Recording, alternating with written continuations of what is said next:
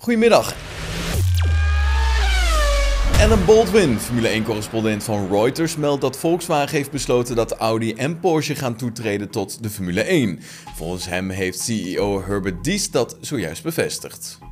Ja, het was al langer de wens in Duitsland om een merk toe te laten treden aan de hoogste klasse van de autosport. De groep heeft diverse merken en zou Audi aan McLaren willen koppelen en Porsche zou zijn hel moeten gaan zoeken in een samenwerking met Red Bull Racing. De intrede in de sport zou een feit moeten gaan worden vanaf 2026. Gaan we door met Daniel Ricciardo, want hij is het namelijk eens met Max Verstappen in zijn kritiek op Drive to Survive. De Australiër ziet ook dat de makers van de serie het randje van de werkelijkheid opzoeken in de strijd om de kijkcijfers.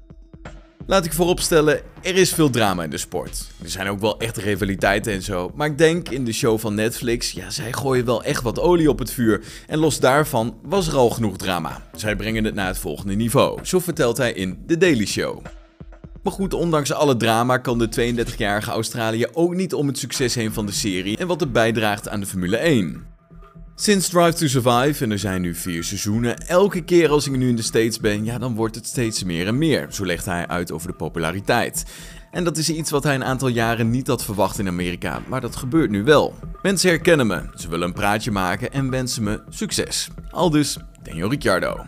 Ja, dit weekend gaan we weer racen en ik heb er echt onwijs veel zin in, want het is namelijk op een gloednieuw circuit. Terwijl ze daar nog druk bezig zijn met het vullen van het water, neem ik even met jullie het tijdenschema door. Het weekend wordt op vrijdag 6 mei om half 9 in de avond afgetrapt met de eerste vrije training. Om half 12 mogen we genieten van de tweede oefensessie. En de derde en laatste vrije training wordt op zaterdag 7 mei om 7 uur in de avond verreden. Om 10 uur is het dan tijd voor de kwalificatie. En de Grand Prix van Miami wordt op zondag 8 mei om half 10 in de avond verreden. Dat was hem dan het nieuws van vandaag. Heb je genoten van deze aflevering? Laat van je horen op onze Apple Podcast pagina of volg ons op Spotify. Zie ik je morgen weer. Tot dan. Hoi.